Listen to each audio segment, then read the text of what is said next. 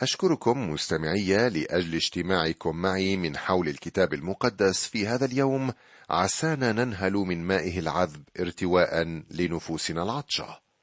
هذه هي الحلقة الأخيرة في دراستنا لسفر الخروج الشيق الذي فتح الأبواب أمامنا لرؤية السماويات والتمتع بشخص المسيح وعمله لأجلنا.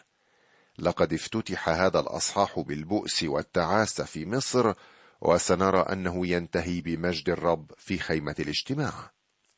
في المرة الماضية انتهينا من التأمل في الأصحاحين السابع والثلاثين والثامن والثلاثين وكانا عبارة عن مراجعة لما سبق وتأملنا به.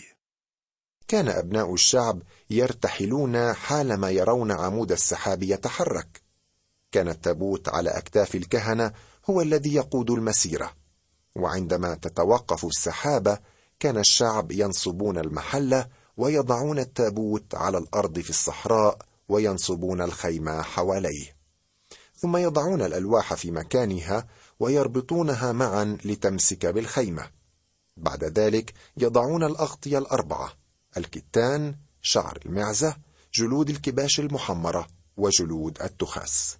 وحتى ترى جمال الخيمه عليك أن تدخل إلى الداخل. كل شيء فيها كان يحكي عن العبادة والتسبيح والحمد لله والبركة لكل فرد. كانت الدار تحتوي على مذبح النحاس والمرحضه النحاسية. هنا كانت مسألة الخطية حل. كان الخاطئ يأتي ويقف عند البوابة ثم يقوده الكاهن إلى الدار. ويضع هذا الخاطئ يمينه على رأس الحيوان الذي أحضره سواء كان خروفا أو معزة أو ثورا. بعد ذلك يذبح الكاهن الحيوان ويقدمه على المذبح. كان هذا أبعد مكان يستطيع الإنسان أن يصله. بعد ذلك كان الكاهن هو الذي يقوم بكل شيء. كان يقف عند المرحضة. ويغتسل حتى يتأهل للدخول إلى القدس. في القدس كان يوجد مائدة خبز الوجوه والمنارة الذهبية ومذبح البخور وكلها تحكي عن العبادة. بعد ذلك يأتي الحجاب الذي يفصل القدس عن قدس الأقداس ولا يجرؤ الكاهن أن يتجاوز الحجاب. لم يكن مسموحا إلا لرئيس الكهنة أن يدخل إلى قدس الأقداس ومرة واحدة في السنة فقط نيابة عن الأمة. على مذبح النحاس كانت الذبيحة تقدم والخطية تدان. قلنا أنه كان ذلك المكان الذي تأتي إليه الأمة والأفراد لمعالجة الخطية. لم يكن ممكنا بناء أي مذبح آخر أو التوجه إلى أي مذبح آخر وإلا اعتبر ذلك تجديفا. لم تكن العباده ممكنة إلا بعد المرور من خلال مذبح النحاس. وعندما تنظر إلى خيمة الاجتماع تعرف أهمية موت المسيح. نعم تعاليم المسيح لا يمكنها أن تخلصك بل موته فقط. من أجل هذا يوجد مذبح النحاس. كان جدار الكتان يفصل الإنسان عن الله وكانت قواعد هذا الجدار من نحاس دلالة على الدينونة. لابد من حل مسألة الخطية يا صديقي. يجب على الإنسان أن يعترف أنه خاطئ. قبل أن نأتي إلى محضر الله علينا أن نحل مسألة الخطية. كان هناك مدخل للدار أو الساحة الخارجية. لم يكن هناك إيه طريقه للدخول إلا عبر البوابة التي كانت تتسع للخاطئ. قال يسوع أنا هو الطريق والحق والحياة. البوابة هي الطريق المؤدي إلى الخلاص. الباب الثاني هو المؤدي إلى القدس وهو يشير إلى الحق.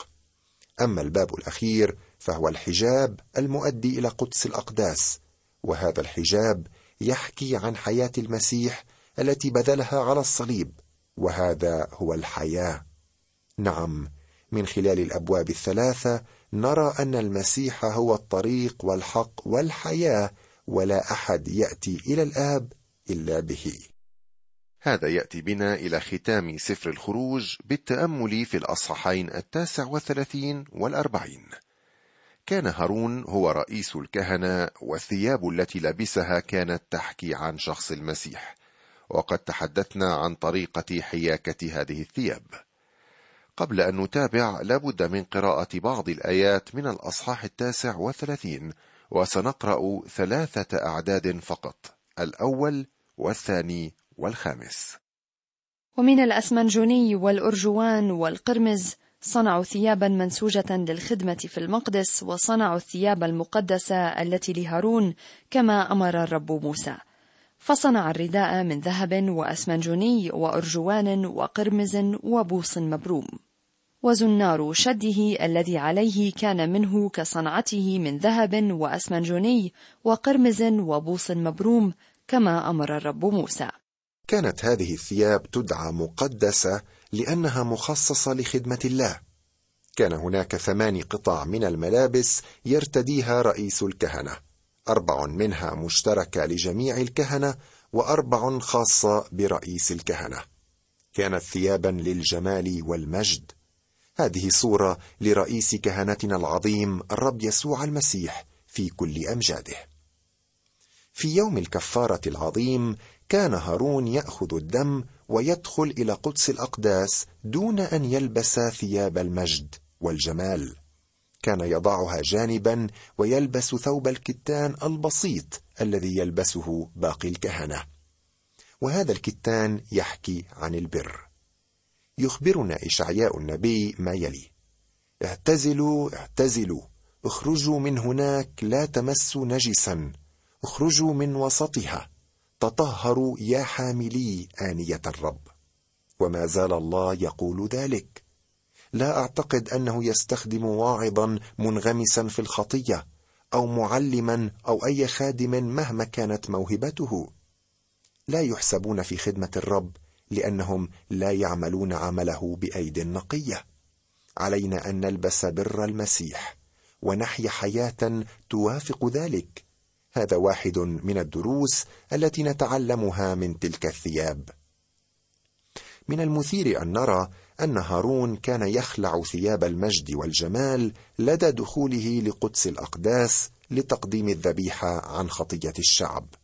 والرب يسوع عندما نزل إلى أرضنا لم يتخلى عن ألوهيته بل ترك ثياب الجمال والمجد الرفيع ترك أمجاده كابن لله أتى كبشر إلى الأرض وولد طفلا من عذراء ثم قدم نفسه ذبيحة للخطية في بشريته. ليس صحيحا أن نقول أن الله هو الذي مات على الصليب. عندما مات المسيح على الصليب انفصل عن الله ليمكث عليه غضب الله على الخطية بدلا عنا يقول عنه بولس أنه جعل خطية لأجلنا ولكن حتى في هذه اللحظة كان الله في المسيح مصالحا العالم لنفسه. هذا لغز يا صديقي. لا أستطيع أن أشرحه أكثر من ذلك فهو يفوق إدراكنا البشري. كان رئيس الكهنة مزينا بهذه الثياب الجميلة. الرداء مع حجري جزع على كتفيه منقوش عليهما أسماء الأسباط الاثني عشر. وهذا يحكي عن قوة المسيح وقدرته الراعي العظيم للخراف. عندما كان واحد من الخرفان يشرد كان يبحث عنه ويحمله على منكبيه ويعيده إلى القطيع. شكرا لله أن لنا راعيا عظيم يحملنا على منكبيه ويحضرنا سالمين إلى الحظيرة. هو قادر أن يخلص إلى التمام كل الذين يتقدمون به إلى الله. كان رئيس الكهنة أيضا يلبس صدرة عليها اثنا عشر حجرا كريما وكانت قطعة من الجمال. لربما كانت تحتوي على جيوب يوضع فيها الأوريم والتميم. لا نعرف ما هو الأوريم والتميم ولكنهما يتعلقان بالتنبؤ. الأحجار الكريمة على الصدر تحكي عن محبة المسيح لنا فهو يحملنا في قلبه لأنه هكذا أحب الله العالم. حتى بذل ابنه الوحيد لكي لا يهلك كل من يؤمن به بل تكون له الحياة الأبدية. على هذا الرداء أو الأفود كانت معلقة جلاجل أو أجراس ورمانات ليعرف الناس أن رئيس الكهنة يخدم في القدس. الرمانات تحكي عن الحياة المثمرة للمؤمن والجلاجل تحكي عن الشهادة. عندما كان أبناء الشعب يسمعون صوت الأجراس كانوا يعلمون أن رئيس الكهنة في القدس يخدم من أجلهم.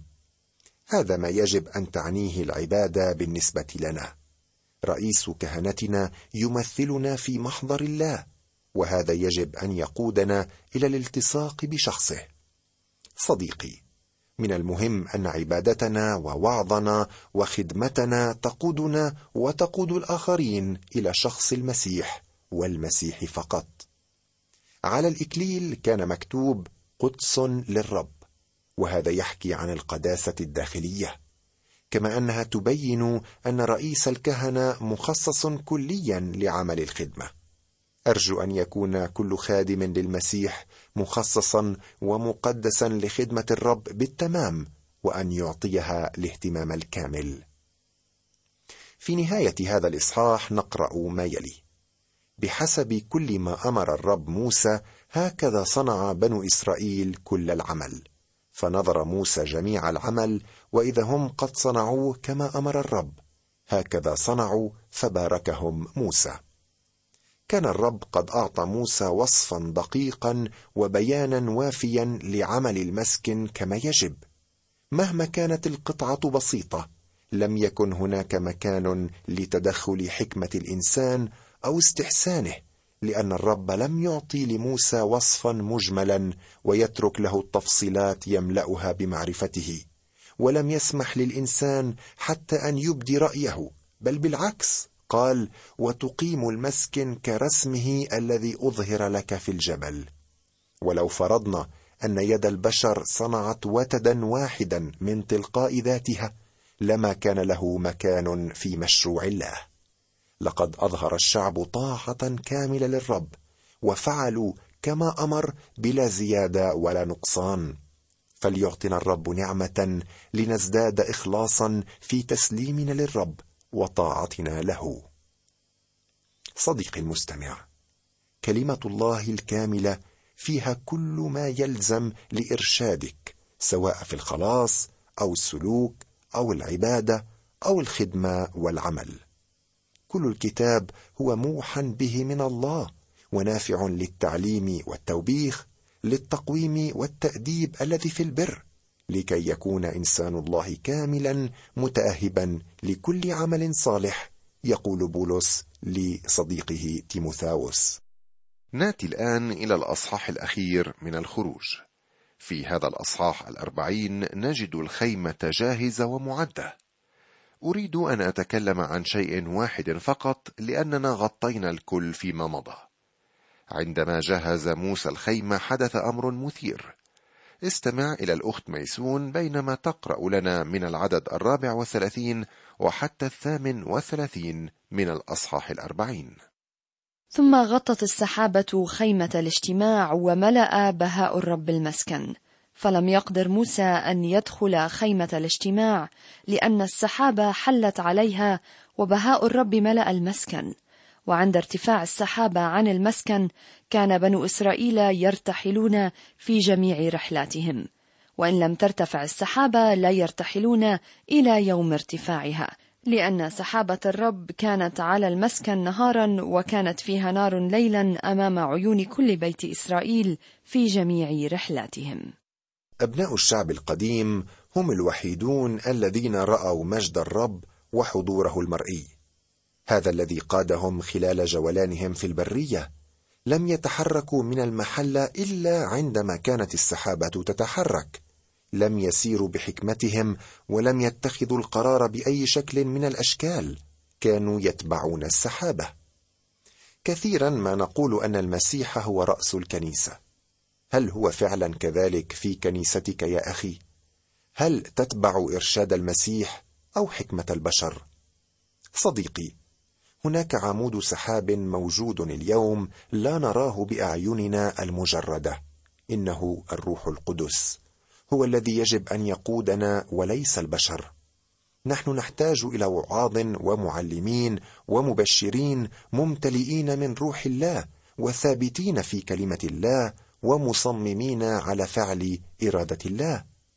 نعم لا يوجد سحابة مرئية فوق الكنيسة اليوم ولكن يوجد الروح القدس الذي يريد أن يقودنا ويرشدنا. هذا يأتي بنا إلى ختام دراستنا في سفر الخروج الذي افتتح بفناء الحجارة في مصر واختتم بمجد الرب في خيمة الاجتماع.